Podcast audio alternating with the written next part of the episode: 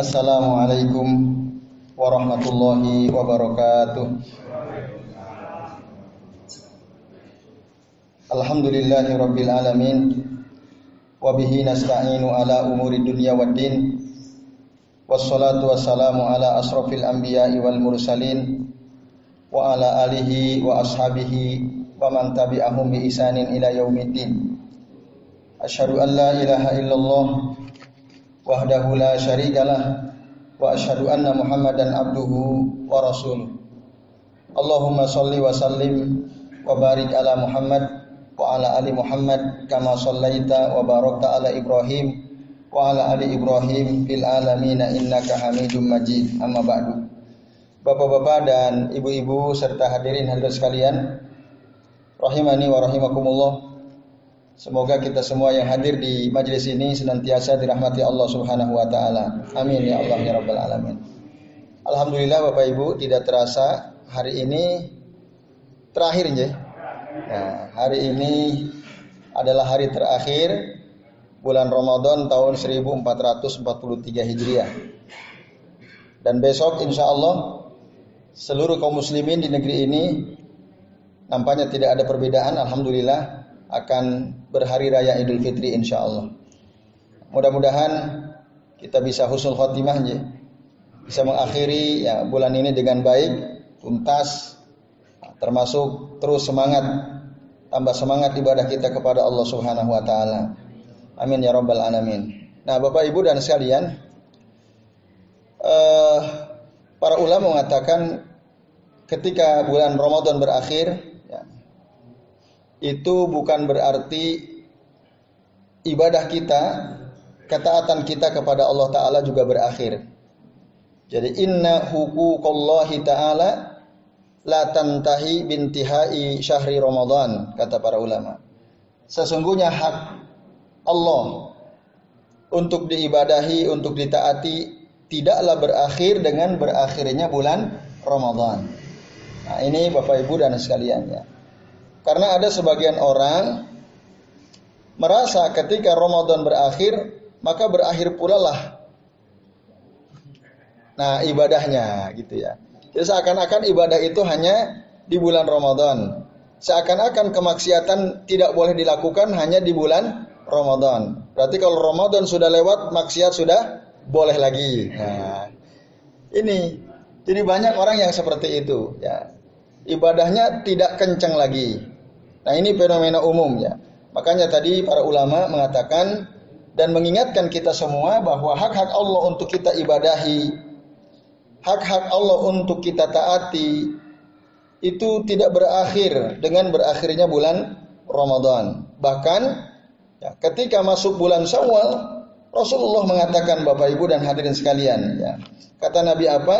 Man soma Ramadana Barang siapa yang puasa Ramadan summa atba'ahu sittan min syawalin kemudian diikuti lagi dengan puasa enam hari di bulan syawal karena kausiyamid dahar. Maka pahalanya seperti pahala sepanjang tahun. Jadi 36 hari.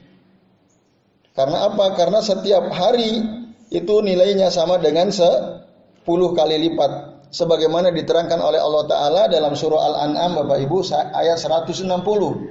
Allah Subhanahu wa taala mengatakan man jaa bil hasanati falahu asyru amsariha. Barang siapa yang ya, melakukan atau mengamalkan satu kebaikan maka baginya ada 10 kali lipat. Berarti 336 kali 10 sama dengan 360 Itulah jumlah bilangan hari dalam setahun, je.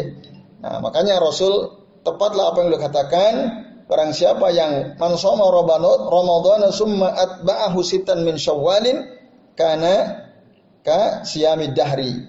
Itu sama dengan puasa sepanjang tahun. Nah, ini Bapak Ibu mudah-mudahan di bulan Syawal nanti ya semangat kita untuk terus taat kepada Allah, untuk beribadah kepada Allah tetap ya istiqomah baterainya tidak dol ya, tidak tidak ngedrop baterainya lihat ya. Nah, ini walaupun memang kita tahu bahwa di dalam bulan Ramadan ada disebut maka para ulama itu sahrul khair, sahrul ta'ah, sahrul al-a'mal as-salihat. Karena dalam bulan Ramadan ada namanya disebut qiyamul Ramadan. Ada saumu Ramadan.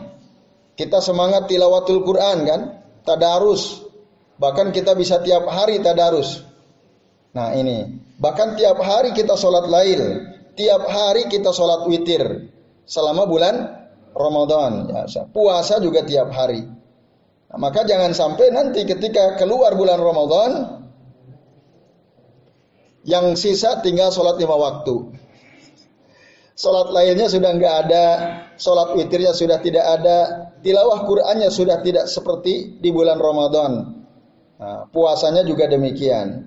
Nah ini tentu ya orang yang yang lainnya turun tadi yang ada bahkan mungkin bisa jadi ada sebagian di antara kita sholat lima waktu yang tadinya jamaah selama Ramadan pun kembali hilang lagi dari masjid dicari-cari sama Pak Imam mana nih kok nggak ada lagi ya pada waktu Ramadan semangat luar biasa. Nah ini tentu satu fenomena yang ya umum terjadi di tengah-tengah masyarakat. Maka kita saling mengingatkan Bapak Ibu berakhirnya bulan Ramadan tidak berarti berakhirnya ibadah kita ketaatan kita kepada Allah Subhanahu wa taala. Karena apa? Dalam Al-Quran surah Al-Hijr ayat 99 Allah Ta'ala mengatakan Wa'bud Rabbaka hatta ya'tiyakal yakin Dan sembahlah Tuhanmu Dan beribadalah kepada Tuhanmu Sampai datang kepadamu Al-yakin Ada sebagian orang mengartikan al-yakin itu ya sampai kita yakin bahwasanya Allah itu ada. Kalau kita belum yakin Allah ada, maka harus terus ibadah. Pas kita yakin Allah itu ada, udah nggak usah ibadah lagi. Itu ada. Sebagian kalangan dari sufi itu, ya, maka mereka kalau sudah levelnya sampai yakin, kan ada hakul yakin, ainul yakin ya. Ada apa itu? Ainul yakin, hakul yakin sama ada tiga tingkatan gitu ya. Apa? hak apa ainul yakin hakul yakin ilma ainul yakin ilmul yakin hakul yakin nah ada ilmu yakin yang tengah itu ya. Ainul yakin itu dia meyakini kalau dia sudah melihat. Kalau dia belum melihat dia belum yakin. Nah. Oh kalau gitu nggak pernah melihat Allah. Berarti nggak yakin yakin itu ya. Nah tapi menurut mereka nanti ada istilah kasab, ya kasab itu terbuka hijab sehingga kita seakan-akan bisa melihat Allah Subhanahu Wa Taala. Nanti ilmu yakin kita menjadi yakin ketika tahu ilmunya bahwa Allah itu ada. Nah, baru nanti naik level yang paling atas disebut hakul yakin. Kita betul-betul merasakan kehadiran Allah Subhanahu wa taala dalam hidup kita.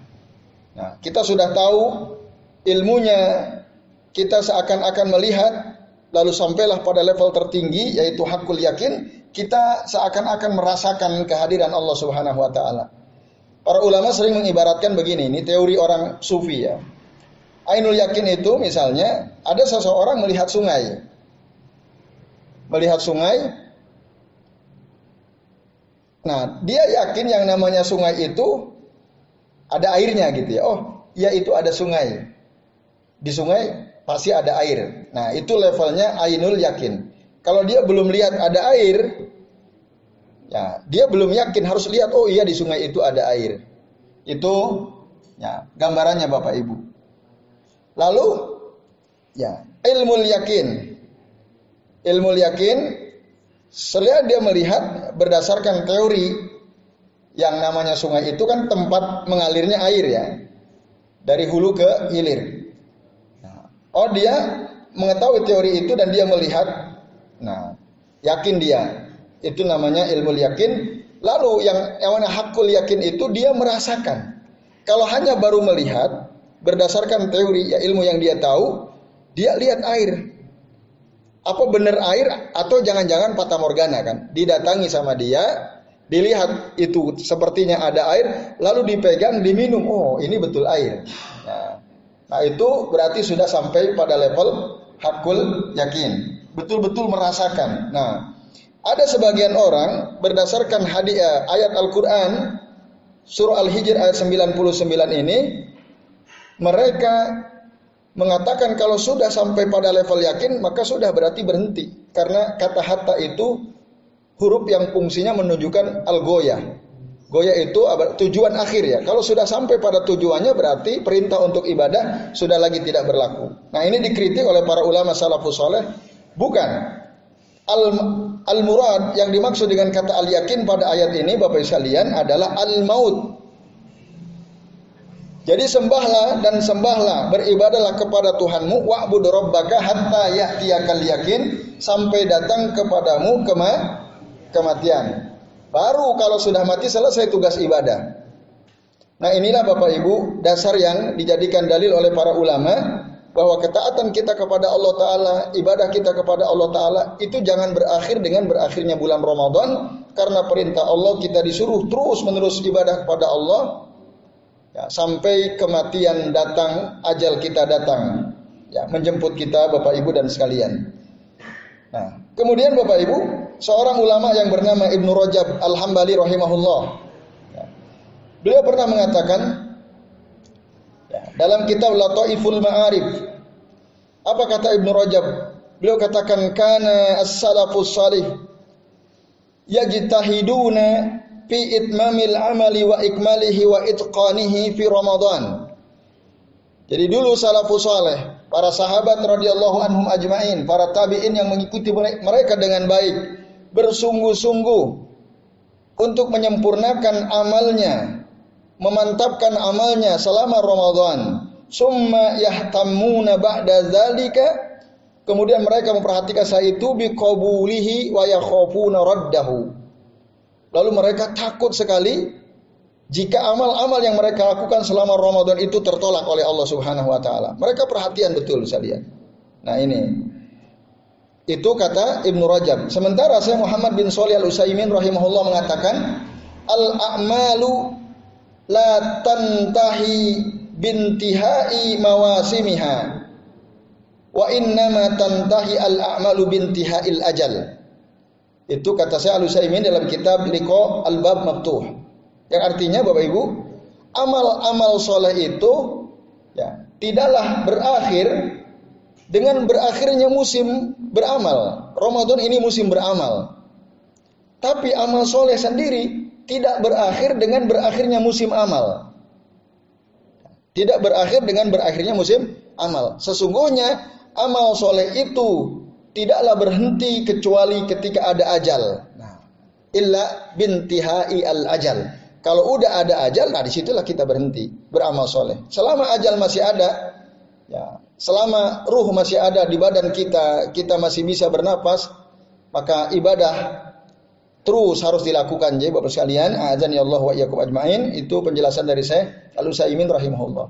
Sementara saya Sulaiman Ar-Ruhaili hafizahullah taala beliau mengatakan wa min ajmalil kalami maqala ba'dul ulama dan di antara perkataan yang paling baik yang disampaikan oleh para ulama adalah Wa man ja'ala ayyama hayatihi Barang siapa yang menjadikan hari-hari dalam hidupnya itu ka ayyami Ramadan.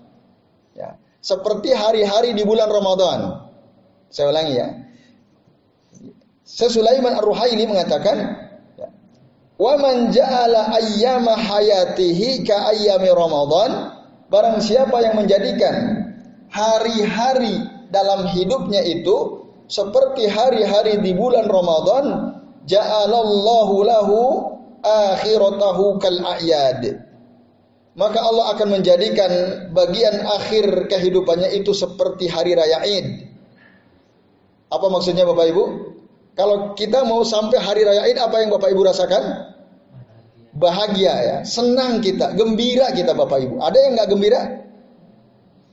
nggak ada kayaknya walaupun nggak punya uang tetap bahagia ya walaupun nggak punya uang nggak bisa beli baju baru nampaknya kita tetap senang bapak ibu ya pada umumnya nah begitulah bapak ibu orang yang ketika hari-hari dalam hidupnya dia jadikan seperti hari-hari di bulan Ramadan maka di akhir kehidupannya Allah akan jadikan seperti dia ketika akan menghadapi hari hari raya Id. Bahagia, gembira Bapak Ibu. Nah, di sini ya, maka ketika Ramadan berakhir kalau bisa amal kita persis sama seperti Ramadan Bapak Ibu. Salat malam Salat tahajud setelah salat Isya saged buatan Bapak Ibu?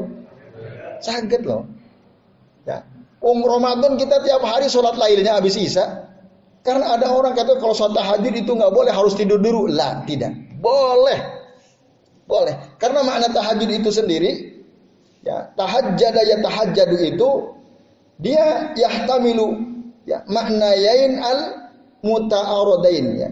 Dua makna yang kontradiksi memang. Dalam bahasa Arab itu ada al kalimat al mutadodat ya. Maka ada mu'jamnya, kamus kalimat-kalimat yang mengandung makna kontradiktif. Satu kata tapi dia punya makna yang kontradiktif. Dalam Al-Qur'an itu ada disebut kuru, kata kuru. Ya. Ya. Salah satu kuru, kuru qaf ra waw hamzah. Dalam Al-Qur'an kita bisa temukan. Itu maknanya satu maknanya haid, yang satu maknanya suci. Haid sama suci kontradiktif atau tidak? Kontradiksi. Dan banyak dalam, dalam bahasa Arab banyak Bapak Ibu. Kata tahajud itu juga sama. Ini termasuk kalimatun zatu maknan ya, al muta'arid. Kalimat yang memiliki makna kontradiksi. Tahajud itu satu artinya dia bangun di malam hari untuk qiyamul lail. Bangun di malam hari. Artinya kalau disebut bangun berarti tidur dulu. Itu. Itu makna yang pertama. Tapi kata tahajud juga sekaligus maknanya adalah beribadah bersungguh-sungguh sebelum tidur. Kontradiksi atau tidak? Kontradiksi. Buktinya setiap hari kita bulan Ramadan ya, dan itu dilakukan sejak dahulu kala. Sejak masa sahabat radhiyallahu anhum ajmain. Jadi Bapak Ibu kalau kita susah bangun di malam hari Ya sudah sholat tahajudnya, sholat lainnya setelah isya. Itu bisa. Itu. Nah, kalau bisa sih kita terus ya semangat untuk sholat lail di luar Ramadan. Nah ini Bapak Ibu dan hadis kalian, azan ya Allah wa iyyakum ajmain. Kemudian dalam kitab yang sama Lataiful Ma'arif Ibnu Rajab Al-Hambali juga mengatakan Bapak Ibu, Man amila ta'atan minat ta'at wa farigo minha barang siapa yang mengamalkan ketaatan dari ketaatan-ketaatan yang ada wa farigo minha lalu kemudian selesai dia mengamalkan ketaatan fa alamatu qabuliha nah ini. Tanda diterimanya amal ketaatan dia di hadapan Allah taala adalah an yausilaha bi taatin ukhra. Dia akan menyambung setelah ketaatan dengan ketaatan yang lain. Selesai puasa Ramadan disambung dengan puasa Syawal 6 hari. Itu tanda kata Ibn Rajab Al-Hambali alamatu qabuliha. Tanda diterimanya amal kita Bapak Ibu. Tapi kalau kita habis puasa Ramadan, wah kayaknya bebas, merdeka, enggak puasa lagi ya. Udah enggak inget lagi puasa, tunggu satu tahun lagi nanti ya. Nah, balas dendam ya. Nah ini usalian. Nah maka kata beliau wa alamatu raddiha dan tanda tertolaknya amalan seseorang itu adalah ayyakibatil katoah bimaksiatin. Nah ini dia akan melanjutkan setelah amal ketaatan itu dengan kemak kemaksiatan. Tadinya rajin sholat jamaah lima waktu, bahkan sampai sholat lail, taraweh, witir, tuntas. Ketika keluar Ramadan, boro-boro sholat lain, boro-boro sholat witir, sholat jamaah pun malasnya, naudzubillah gitu ya, malas sekali. Diajak pun, wis sampai yang ke surga aku mengkawahi gitu ya. Nah, nah itu ya Bapak Ibu, ada orang yang seperti itu. Padahal waktu Ramadan oke okay, gitu ya. Nah, karena mungkin memang syaitan dibelenggu oleh Allah Subhanahu wa taala. Nah, itu apalagi dia tadi menggam dia nggak punya uzur apa pun. Tapi ketika datang waktu sholat, malas dia. Nah ini namanya maksiat kepada Allah Subhanahu Wa Taala. Karena nggak kecuali kalau kita punya uzur, itu lain lagi. Nah maka itu adalah alamatu raddiha kata Ibnu Rajab Al Hambali rahimahullah bersalian. Nah, Bapak-bapak dan Ibu-ibu, azan ya Allah wa iyyakum ajmain. Nah, kemudian yang dikatakan oleh Syekh Al-Fauzan, hafizahullah taala beliau katakan begini Bapak Ya. Man ta'awwadat ah, maaf. Idza ta'awwadta ala hifdhi lisanika minal ghibati wan namimati wasyatmi wa qawli zur fi syahri Ramadan kalau kamu terbiasa menjaga lisanmu dari gibah dari mengadu domba namimah wasyatm asyatmi itu dari suka mencela wa qawli zur dari suka berkata bohong fi syahri Ramadan di bulan Ramadan kalau kita sudah terbiasa itu faamsik lisanak. Maka tahanlah terus lisanmu sebagaimana engkau berada di bulan Ramadan. Jangan sampai berkata bohong, jangan sampai gibah, jangan sampai memprovokasi orang, mengadu domba orang. Ya. Jangan gampang-gampang mencela, mencaci maki orang Bapak Ibu. Maka tahanlah lidahmu kata Syekh Fauzan. Fa'amsik lisanaka fa'in atlak tahu kalau engkau lepaskan lagi lisanmu, tidak lagi engkau jaga kotalaka bikala misayyi, dia akan membunuhmu dengan perkataan yang buruk. Bil ghibati wan namimati wasyatm. Ya. Bal bikalamin muharram. Bahkan kita kalau lepas tidak kita jaga lagi lisan kita di luar Ramadan, kita akan mudah lagi nanti menggibah. Mudah lagi kita mengadu domba, mudah lagi kita mencela, mencaci maki, berkata bohong, bahkan dengan kata-kata yang haram. Kata beliau. Oleh karenanya, ya, hendaklah kita terus menjaganya. Istamal tahu fi dzikrillahi asba'a khadiman lak fi dzikrillahi subhanahu wa ta'ala. Terus gunakan lisan ini untuk senantiasa berzikir kepada Allah Ta'ala. Maka nanti akhirnya lisanmu akan menjadi pelayanmu untuk berzikir kepada Allah Azza wa Jalla. Nah itu kata saya Al Fauzan. Ya, semoga Allah menjaga beliau sekalian. Nah ini ya, apa yang dikatakan oleh para ulama sekalian ya, ulama salafus saleh terkait bagaimana seharusnya kita setelah selesai bulan Ramadan. Oleh karenanya ya, mereka mendorong kita untuk terus istiqomah. Istiqomah sholat jamaahnya, istiqomah sholat lailnya, istiqomah sholat witirnya, Istiqomah kalau bisa puasanya setiap Senin Kemis paling tidak. Tiga hari setiap bulan paling tidak. Tilawah Qur'annya, kalau kita Ramadan bisa mengkhotamkan Al-Quran, kenapa tidak di bulan-bulan selain Ramadan? Atau minimal kita istiqomah setiap hari selalu senantiasa membaca mushaf, bukan membaca WhatsApp. Nah, kebanyakan kita sibuk dengan WhatsApp, lupa dengan mus mushaf Bapak Ibu sekalian. Makanya dulu sahabat Khalid bin Walid radhiyallahu anhu karena selalu perang ya, bertempur di medan perang untuk meninggikan kalimat Allah Subhanahu wa taala, suatu kali beliau punya kesempatan ya ber, memegang mushaf ya, untuk membaca mushaf. Beliau katakan ya sagol sagolani angkal jihad wahai mushab ya, wahai kitab Allah telah menyibukkan aku darimu jihad. Karena beliau jihad, selalu perang. Ya. Dan kita tahu sejarah kehebatan Khalid bin Walid ya, yang tak pernah terkalahkan oleh musuh-musuhnya. Walaupun demikian beliau meninggal dalam keadaan yang nyaman di atas tempat tidur padahal badannya penuh dengan sayatan pedang musuh Bapak Ibu. Nah beliau jarang membaca musuh karena jihad. Maka beliau sedih ketika punya kesempatan untuk membaca mushaf dengan mengatakan sagolani angkal jihad. Tapi kita di zaman sekarang kata para ulama ya bukan lagi berkata seperti perkataan Khalid bin Walid radhiyallahu anhu yang mengatakan sagolani sagolani angkal jihad, tapi kita di zaman sekarang ini sagolani angka sagolani angkal jihad jihad dalam bahasa Arab itu hampir mirip dengan jihad.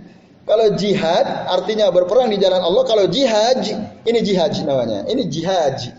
Ya. Para ulama mengatakan ini jihad itu ya, ya perangkat ya. Handphone ini namanya jihad. Selain juga disebut dengan uh, apa? Jawal ya. Kalau ya, jawal atau jihad. Jadi banyak di antara kita ya di zaman sekarang ini sibuknya bukan dengan jihad, sibuk dari Al-Qur'an bukan dengan jihad tapi dengan ji, jihad pakai za ya, bukan dal. Nah, ini pesalian. Nah, oleh karenanya para ulama mengingatkan kita dengan ayat-ayat Allah Subhanahu wa taala, salah satu di antaranya surah Al-Ahqaf ayat 13. Allah taala mengatakan innal ladzina qalu rabbunallahu summa istaqamu Sesungguhnya orang-orang yang berkata Tuhan kami adalah Allah kemudian mereka istiqamah. Fala khaufun alaihim walahum yahzanun. Tidak ada ketakutan, kekhawatiran atas mereka dan mereka juga tidak bersedih hati Ustaz. Apa maksud ayat ini? Ayat 13 surah Al-Ahqaf Syekh rahimahullah dalam tafsir Taisir Karimur Rahman fi tafsir Kalamil Mannan beliau mengatakan ya Innal ladzina aqarru bi rabbihim wa syahidu lahu bil wahdaniyati wal tazamu ta'atahu Sesungguhnya orang-orang yang menetapkan keimanan terhadap Tuhan mereka, memberikan kesaksian dengan kewahdaniatan atau keesaan Allah Subhanahu wa taala, melazimkan dirinya untuk senantiasa taat kepada Allah taala, wadawamu ala zalika dan mereka terus menerus ya, dawam, istiqomah atas hal tersebut, muddat hayatihim sepanjang hidup dia, hidup mereka, fala khaufun alaihim min kulli syarrin amamahum. Maka mereka tidak lagi ada ketakutan dari keburukan yang ada di hadapan mereka. Orang yang istiqomah dalam beribadah kepada Allah, dalam taat kepada Allah, dalam bertauhid kepada Allah, Bapak Ibu, mereka dijamin tidak akan mendapatkan rasa takut, khawatir di masa yang akan datang. Ya, Kapan masa akan datang? Masa setelah kita mati. Di alam kubur kita, di padang mahsyar kita, waktu kita nanti nyebrang sirat, waktu kita datang ke telaganya Rasul sallallahu alaihi wasallam. Itu enggak ada ketakutan. Fala khaufun alaihim. Yang ada senang. Itu balasan orang yang istiqomah terus taat kepada Allah taala. Dan apa yang dimaksud walahum yahzanun? Maksudnya mereka tidak bersedih hati alama khalafu waro'ahum dari apa yang mereka tinggalkan di belakang. Bapak Ibu sekalian ya. Mereka tidak tidak sedih dengan dunia yang mereka mungkin dulu inginkan tapi mereka tidak dapatkan. Mereka mungkin ingin dulu waktu hidup di dunia pengen punya ini, punya itu, tapi tidak sampai kesampaian. Itu mereka tidak bersedih hati karena dipu, apa, sudah dipanggil oleh Allah Subhanahu wa taala. Maka walahum yahzanun. Nah itu Bapak Ibu ya orang yang senantiasa istiqomah kepada Allah, beribadah kepada Allah taala, taat kepada Allah taala, bertauhid kepada Allah taala. Atau nanti lebih rinci disebutkan di dalam surah Fusilat ayat 30 sampai 32. Jadi orang yang terus istiqomah taat kepada Allah taala, beribadah kepada Allah taala Bapak sekalian, ya tatanazzalu alaihimul malaikatu alla takhafu wa la tahzanu akan turun kepada mereka kapan ketika mereka syakaratul maut siapa para malaikat dan mereka malaikat-malaikat itu datang saat kita sedang syakaratul maut lalu mereka mengatakan Allah takhafu. Kalian enggak usah takut. Wala tahzanu. Kalian tidak usah bersedih hati. Wa abshiru bil jannati allati kuntum tu'adun. Bergembiralah kalian dengan surga yang telah dijanjikan Allah untuk kalian. Itu Bapak Ibu. Maka orang yang istiqomah taat kepada Allah dalam hidupnya ketika meninggal meninggalnya husnul khotimah. Salah satu di antara tanda husnul khotimah itu dia tersenyum, senang, bahagia. Bapak Ibu. Jadi kalau ada orang meninggal kok tersenyum dia, itu tanda husnul khotimah karena dilihatkan oleh Allah taala lewat para malaikat itu di mana tempat dia di sorga. Bahkan tadi dijamin Allah takhafu wa la tahzanu wa absiru bil jannati allati kuntum tu'adun. Kemudian Allah bilang, nah eh, malaikat itu bilang, nahnu awliyaukum fil hayatid dunya wa fil akhirah. Kami adalah penolong-penolong kalian dalam kehidupan dunia dan kehidupan akhirat. Ya, walakum fiha ma tashtahi anfusukum anfusukum walakum fiha ma tad'un. Di dalam surga itu ya, untuk kalian semua apa yang kalian inginkan. Semua apa yang kalian minta Allah sediakan di dalam surga.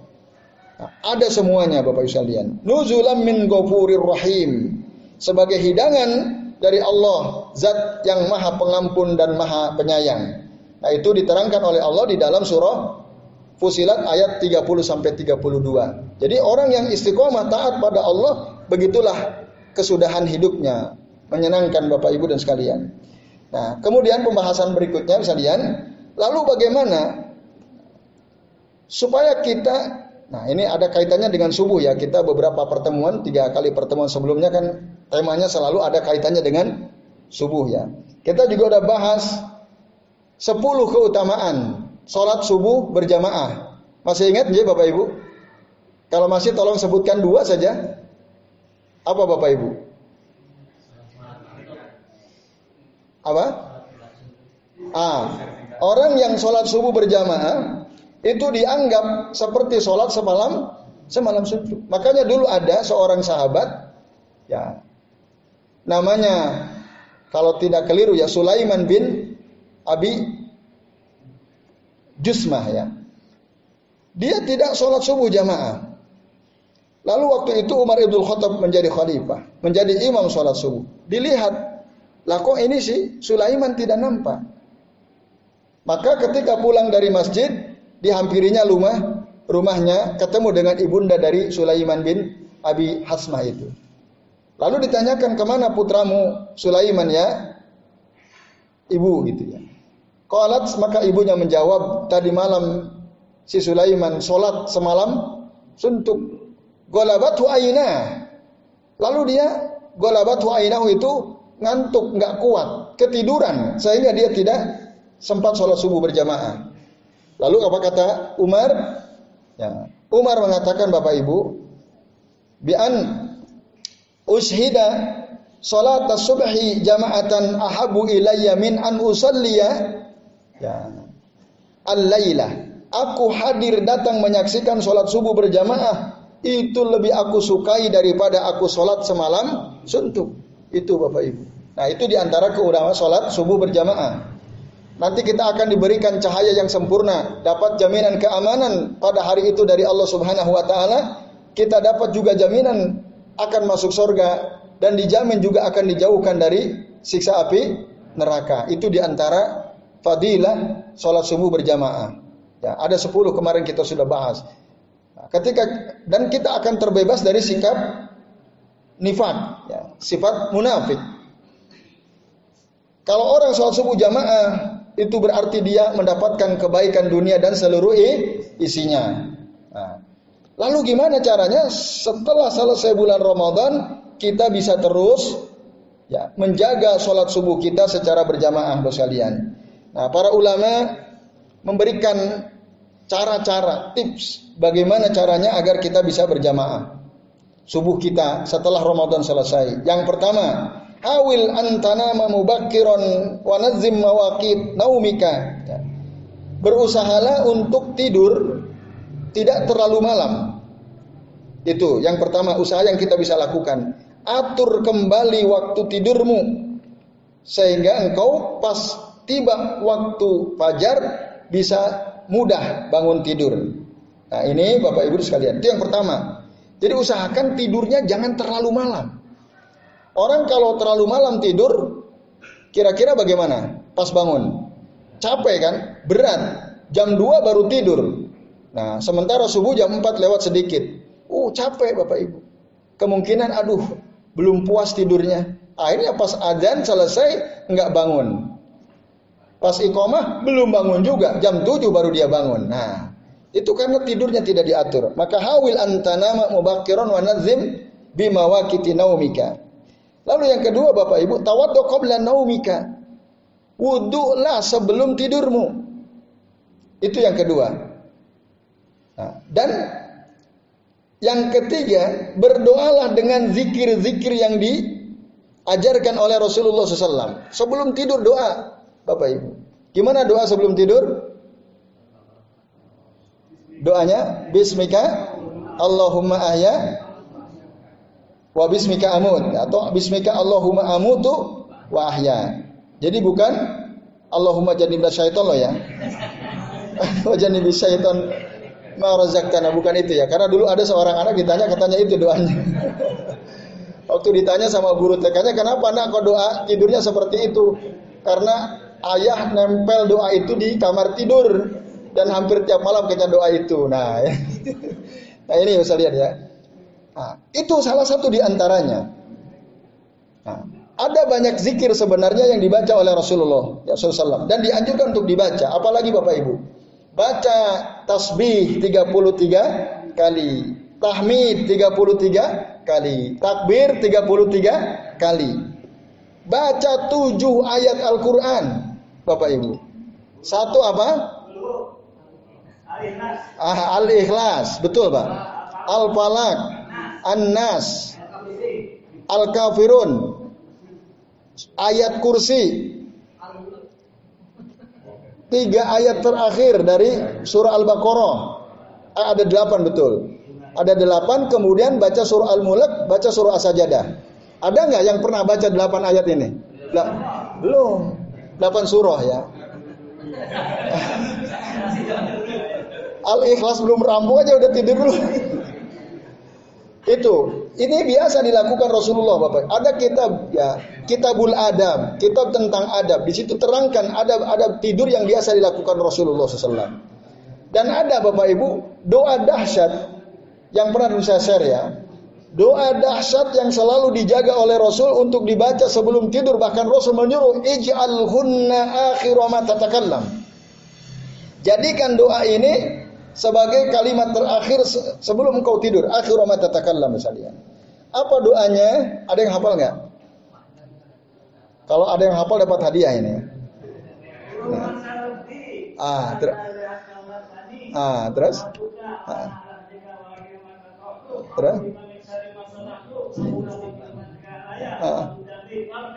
Ah. Wah ada tambahan nih tambahan ya. Rasul nggak ngajarin yang terakhir ya. Sampai mana Bapak Ibu saya dulu istighfar itu?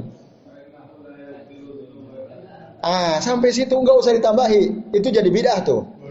Ah, itu tertolak tuh. Sampai itu, Pak. Ya.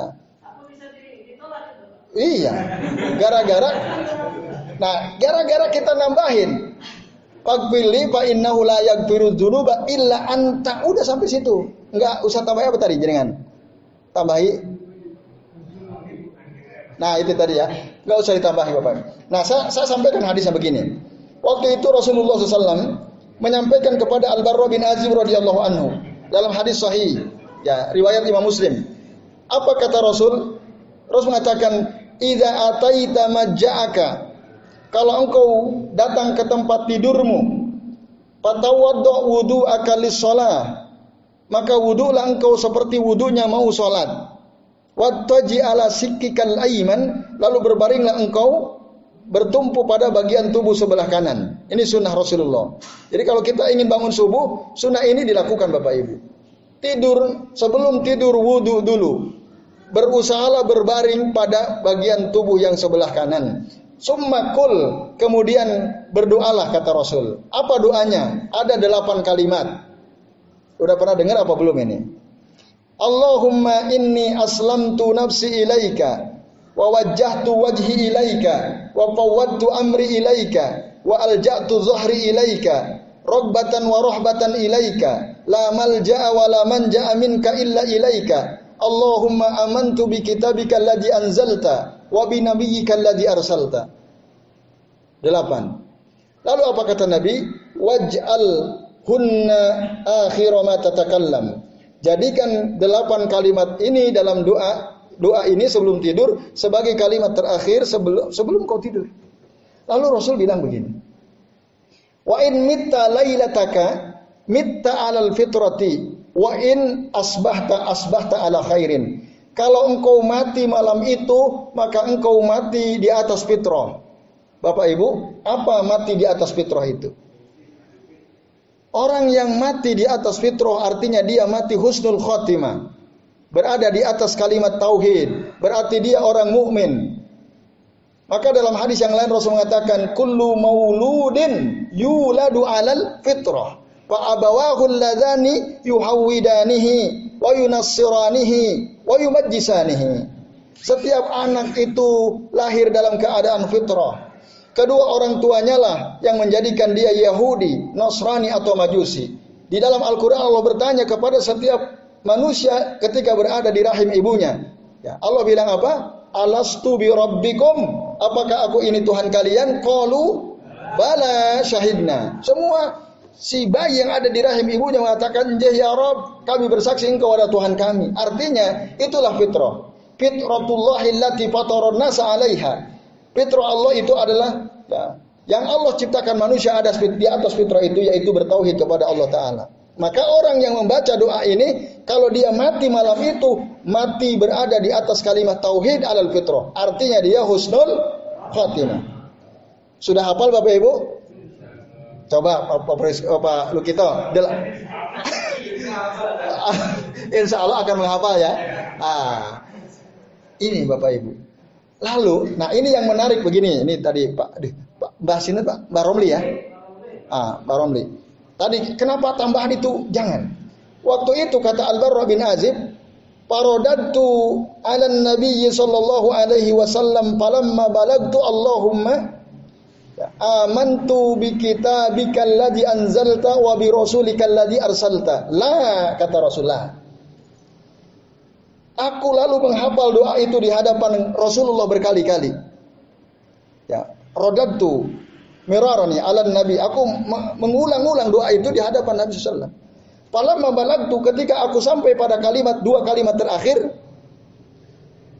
masih ingat dua kalimat terakhir tadi? Saya ulangi ya, kata Nabi begini. Allahumma amantu bi kitabikal anzalta. Hafal? Coba gimana? Alladzi anzalta. Itu yang kalimat dua kalimat terakhir. Yang terakhirnya wa bi nabiyyikal ladzi arsalta. Dan dengan nabimu yang engkau utus, aku beriman. Tapi waktu itu Bapak Ibu, Al-Barra bin Azib beliau bilang, saat aku sampai pada kalimat terakhir aku bilang begini. Allahumma amantu bi kitabika alladhi anzalta wa bi rasulika alladhi arsalta. Ada perbedaan tidak? Apa bedanya? Kata Nabi dan kata Rasul. Bapak Ibu kata Nabi dan Rasul mirip-mirip atau tidak? Dekat atau tidak maknanya? Dekat kan? Tapi apa Rasul bilang? Enggak, enggak boleh begitu. Rasul mengulang lagi, Allahumma amantu bi kitabikal ladzi anzalta wa bi nabiyyikal ladzi arsalta. Jangan bilang wa bi rasulika.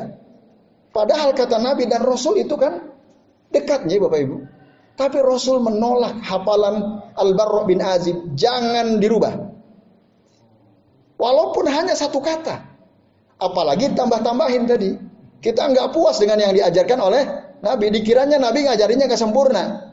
Itu kan? Seakan-akan kita menganggap Nabi mengajarkan kita nggak sempurna doa kafaratul majlis tadi. Enggak. Enggak usah ditambahi. Cukup. Gimana tadi terakhirnya? Fagfirli fa innahu la yaghfiru dzunuba illa anta sampai situ. Nah, tapi Pak Romli bukan itu yang dimaksud doanya, tapi ini yang delapan kalimat tadi. Iya delapan kalimat ya. Nah itu. Semoga bisa dihafal. Dulu kayaknya saya pernah share tuh di grup-grup ya. Kayaknya termasuk di grup ini juga pernah. Nanti kalau lupa nanti tak share lagi ya. Yang doa mau tidur yang jarang, yang sudah banyak ditinggalkan itu. Nah ini Bapak Ibu dan hadirin sekalian, azan ya Allah wa yakum ajmain. Itu. Lalu Bapak-bapak dan Ibu sekalian, ya tadi wudhu berbaring baca doa-doa, lalu yang berikutnya niatkan diri dengan niat yang betul qablan naumi annaka satastaiqizu li salatil fajar. Jadi niatkan dalam hati Allah, saya nanti kalau bangun ingin sholat subuh berjamaah. Nah itu diniatkan. Lalu waktu bangun, baca doa, langsung wudhu, langsung sholat. Kalau tidak, ikatan syaitan, kita udah bahas ya pada pembahasan sebelumnya, ada tiga ikatan syaitan yang di setiap ikatan ada kalimat lailun tawil farkun lailun tawil farkun lailun tawil farkun malam masih panjang malam masih panjang tidurlah tidurlah kata syaitan nah ini Bapak Ibu dan hadis sekalian azan ya Allah wa iyyakum ajmain kemudian banyaklah bertaubat dari perbuatan dosa dan kemaksiatan karena maksiat dan dosa itu bisa melemahkan ya keinginan kita untuk taat kepada Allah Ta'ala. Maka sebelum tidur banyak-banyak istighfar juga Bapak Ibu. Astagfirullahaladzim, astagfirullah. Atau Allahumma gfirli wa tub alayya innaka antat tawwabur rahim. Langkah berikutnya, ya, ta'zimu salatil fajr fil qalb. Wa dzakir as-sawab al-azim liman yusalli fi jama'atin. Dalam hati munculkan keagungan sholat subuh berjamaah. Lalu ingat pahala besar yang ada di balik sholat subuh berjamaah. Kita udah bahas, ilmunya udah sampai ke kita yang hadir waktu itu ya. Jadi ada 10 tadi. Wah rugi sekali Bapak Ibu. Pun seandainya kita telat udah datang aja. Sampai-sampai para ulama mengatakan seandainya di masjid yang biasa kita sholat jamaah subuh itu sudah selesai karena kita waktu azan sakit perut, iqomah masih di kamar mandi, pas ke masjid udah rampung, udah datang saja. Sebagai bentuk kesungguhan kita ingin sholat subuh berjamaah. Atau kalau masih ada masjid yang belum rampung pergi ke masjid itu. Itu Bapak Ibu. Ya contoh di masjid kami itu mungkin tadi pas saya berangkat udah rampung di sana. Saya ke sini alhamdulillah masih kebagian gitu ya. Nah, cari masjid yang masih ada gitu sholat subuh. Dalam rangka apa? Supaya kita istiqomah sholat subuh berjamaah Bapak Ibu dan sekalian. Nah kemudian langkah berikutnya Bapak Ibu sekalian al-hirsu ala suhbati salihin bergaulah dengan orang-orang soleh yang suka saling mengingatkan kita tentang pentingnya beribadah kepada Allah Ta'ala. Kalau orang soleh kan saling mengingatkan dia bersalian. Jangan bergaul dengan orang-orang yang malas dalam beribadah. Maka kalau kita bergaul dengan mereka, kemungkinan besar kita akan malas terus ya. Maka Rasul menyuruh kita untuk kalau kita mau bergaul dengan seseorang, maka lihatlah siapa teman-teman orang itu. Ya. Nah, itu karena setiap orang itu dia akan sesuai dengan kebiasaan teman-temannya. Almaru ala dini khalilihi, man yukhalil kata Rasul. Seseorang itu dia berada di atas kebiasaan orang yang ditemaninya. Maka perhatikanlah siapa teman-teman dia. Nah ini menunjukkan bahwa dalam bergaul ya, Rasulullah SAW mengarahkan kita supaya kita bergaul dengan orang-orang yang baik. Walaupun bukan berarti kita menutup diri dengan orang yang tidak baik. Tidak ya. Kalau kita bisa silahkan, tapi ajak mereka kepada kebaikan seperti ada seorang ustadz ya. Namanya ustadz siapa itu? Ebit W itu ya. Ah, Ebit itu. Yang orang-orang bertato preman-preman itu ya. Ah, anak ngepeng itu ngepang itu beliau bergaul. Kalau bisa, tapi jangan terpengaruh oleh mereka. Justru kita pengaruhi mereka. Kalau kita punya uang kasih uang. Kalau punya uang bangunkan rumah kan itu yang dilakukan beliau. Nah, itu luar biasa sekalian ya. Yang terakhir Bapak Ibu sekalian ya. Langkah yang bisa kita lakukan supaya kita bisa sholat subuh terus berjamaah adalah al muwazobah alat tibai sunnatin nabiyyi sallallahu alaihi wasallam. Ya, khosatan fin naum ya. Berusaha terus menerus mengikuti sunnah Nabi SAW sebelum kita tidur khususnya. Semua sunnah-sunnah Nabi kita lakukan. Wudhunya berbaring di sebelah bertumpu pada sebelah tubuh yang sebelah kanan. Lalu bersiwak ya termasuk atau gosok gigi ya kalau kita sekarang dan membaca doa-doa yang biasa dibaca oleh Nabi SAW itu kita lakukan Bapak Ibu sekalian. Nah, itulah di antara cara-cara yang bisa dilakukan oleh kita supaya kita senantiasa bisa sholat subuh berjamaah. Nah, lalu peringatan di sini disebutkan ya catatan penting Bapak Ibu tidur tidur itu uzur sholat apa bukan Bapak Ibu? Tidur. Uzur sholat apa bukan? Nah, saya tanya, saya sampaikan Kata para ulama Bapak Ibu. Wa yajdaru bidzikri huna dan sangat pantas untuk diingatkan di sini annan nauma lam yuad ya. Lam yuadhul islamu uzran. Sesungguhnya tidur itu tidak dianggap sebagai uzur dalam Islam. Tidur itu bukan uzur. Ya. Kamu kenapa nggak sholat subuh jamaah? Tidur ya. Itu bukan uzur. Nah ini, ini ingat. Ya. Nah, lam ya'udhul Islamu udhran. Ya, yaj'alu al-muslimu yatruku salatahu. Yang menyebabkan orang biasa saja meninggalkan sholat berjamaah. Kenapa? Ya tadi saya punya uzur. Uzurmu apa? Tidur. Itu bukan uzur kata para ulama. Pas sahih yang benar, annan naima yurfa'u anhul qalam hatta yastaiqidha. Yang betul, Orang yang tidur itu memang diangkat oleh Allah Ta'ala kewajiban atas dirinya sampai dia bangun. Itu betul. Tapi ya, lakin hada la yakni an dan nauma liyatru ya, liyatruka as-shalah. Tapi ini bukan berarti ya, dia meyakini bahwa tidur itu membolehkan seseorang meninggalkan sholat berjamaah, meninggalkan sholat. Bal alaihi an ya'khudha bi kullil asbabil lati ya, tu'inuhu 'alal istiqad wa ada'i shalah fi jama'atin aw fi waqtiha. Bahkan yang harus dilakukan adalah dia melakukan berbagai macam usaha yang bisa menolong dia, membantu dia untuk bangun supaya bisa menunaikan sholat subuh berjamaah pada waktunya. Itu. Jadi bukan uzur, tidur bukan uzur. Tapi memang kalau ada orang tidur, ya, dia diangkat taklif saraknya sampai dia bangun. Tapi itu bukan uzur.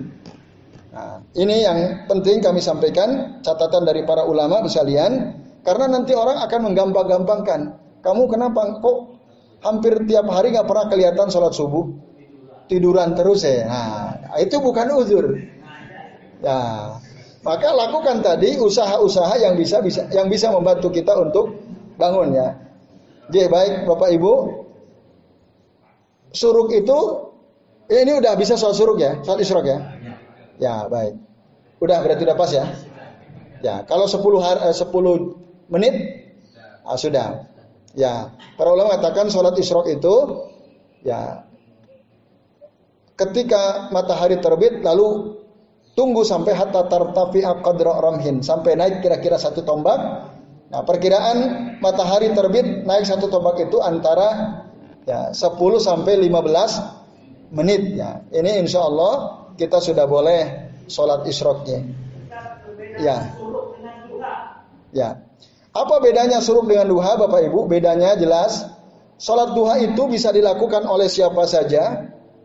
Waktunya terbentang antara mulai terbit matahari sampai naik kira-kira satu tombak sampai menjelang zuhur.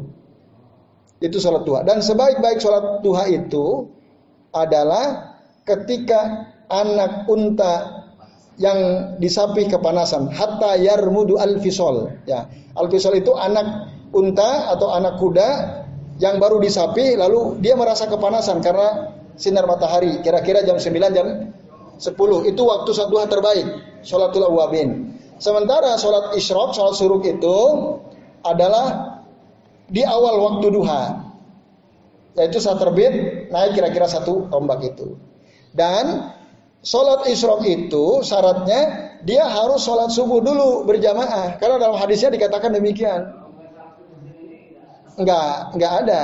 Dia tidak punya kesempatan untuk sholat isyraq Bapak Ibu.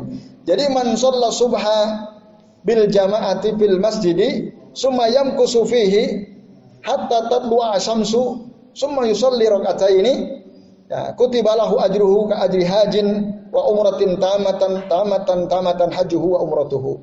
Barang siapa yang sholat subuh berjamaah di masjid lalu dia diam di masjid itu ya, untuk berzikir pada Allah untuk tilawah Quran atau untuk kajian seperti ini sampai terbit matahari. Nah, lalu tadi tunggu sampai naik kira-kira satu tombak, kemudian dia sholat dua rakaat. Maka dicatat. Kalau balik dulu misalnya karena kebelet, bo boleh, boleh. Ah, kebelet di masjid antri nih. Nah,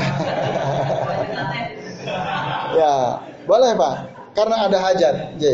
Itu bedanya sholat syuruk dengan sholat duha. J. Bisa?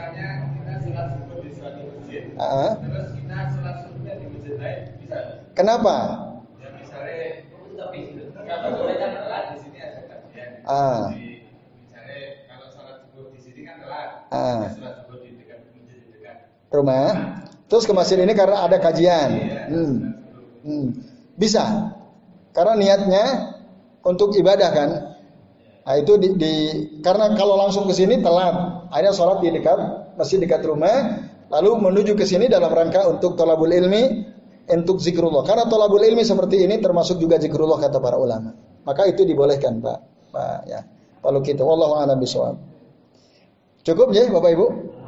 Oh, satu lagi, monggo terakhir. Kalau yang mulai setelah sholat isya, afdolnya misalkan menjalankan sholat lain, satu rakaat ya. berjamaah atau Di luar Ramadan, ya yang paling afdol sendiri walaupun tidak ada masalah dilakukan secara berjamaah. Nah, tapi sholat lain di luar Ramadan itu yang paling afdol sendirian. Walaupun Rasul pernah dimakmumi oleh beberapa sahabat, ya pernah. Artinya tidak ada masalah. Itu. J. Nah, soal tata caranya berdasarkan dalil-dalil yang ada yang paling kuat memang ya dua rakaat dua rakaat. Ya. Ya. Nah, walaupun ada sebagian ulama berdasarkan hadis Aisyah radhiyallahu anha membolehkan empat rakaat salam, empat rakaat salam. Yaitu wallahu a'lam bishawab. Baik itu. Jadi boleh antum sama istri sama anak-anak, ayo kita biasakan dawamkan sholat lail ya. Habis isya pulang, yuk sholat lagi dua rakaat tambah satu kan, dia dua rakaat sholat genapnya satu rakaat witir itu boleh.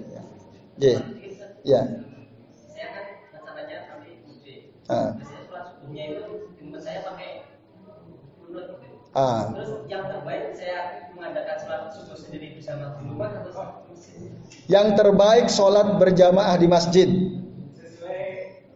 Ya walaupun imam pakai kunut, kita ikut kunut. Kata kata Rasul, Inna ju'ilal imamu liyutamma bihi fa idza kabbara fakabbiru wa idza raka'a farka'u wa idza sajada fasjudu.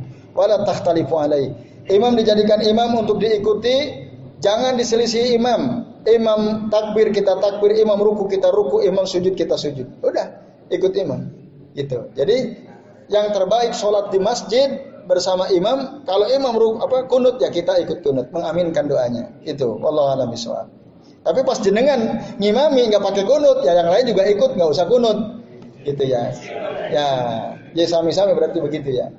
Ya baik Bapak Ibu, terima kasih atas perhatiannya. Semoga bermanfaat. Mari kita akhiri dengan membaca doa kafaratul majlis. Subhanakallahumma wa bihamdika asyhadu an la ilaha illa anta astaghfiruka wa atubu ilaik.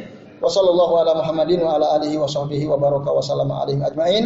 Mohon maaf jika ada kesalahan selama kami menyampaikan uh, apa kajian di masjid ini selama Ramadan. Mohon dibukakan pintu maaf yang seluas-luasnya. Billahi taufiq wal hidayah. Wassalamualaikum warahmatullahi wabarakatuh.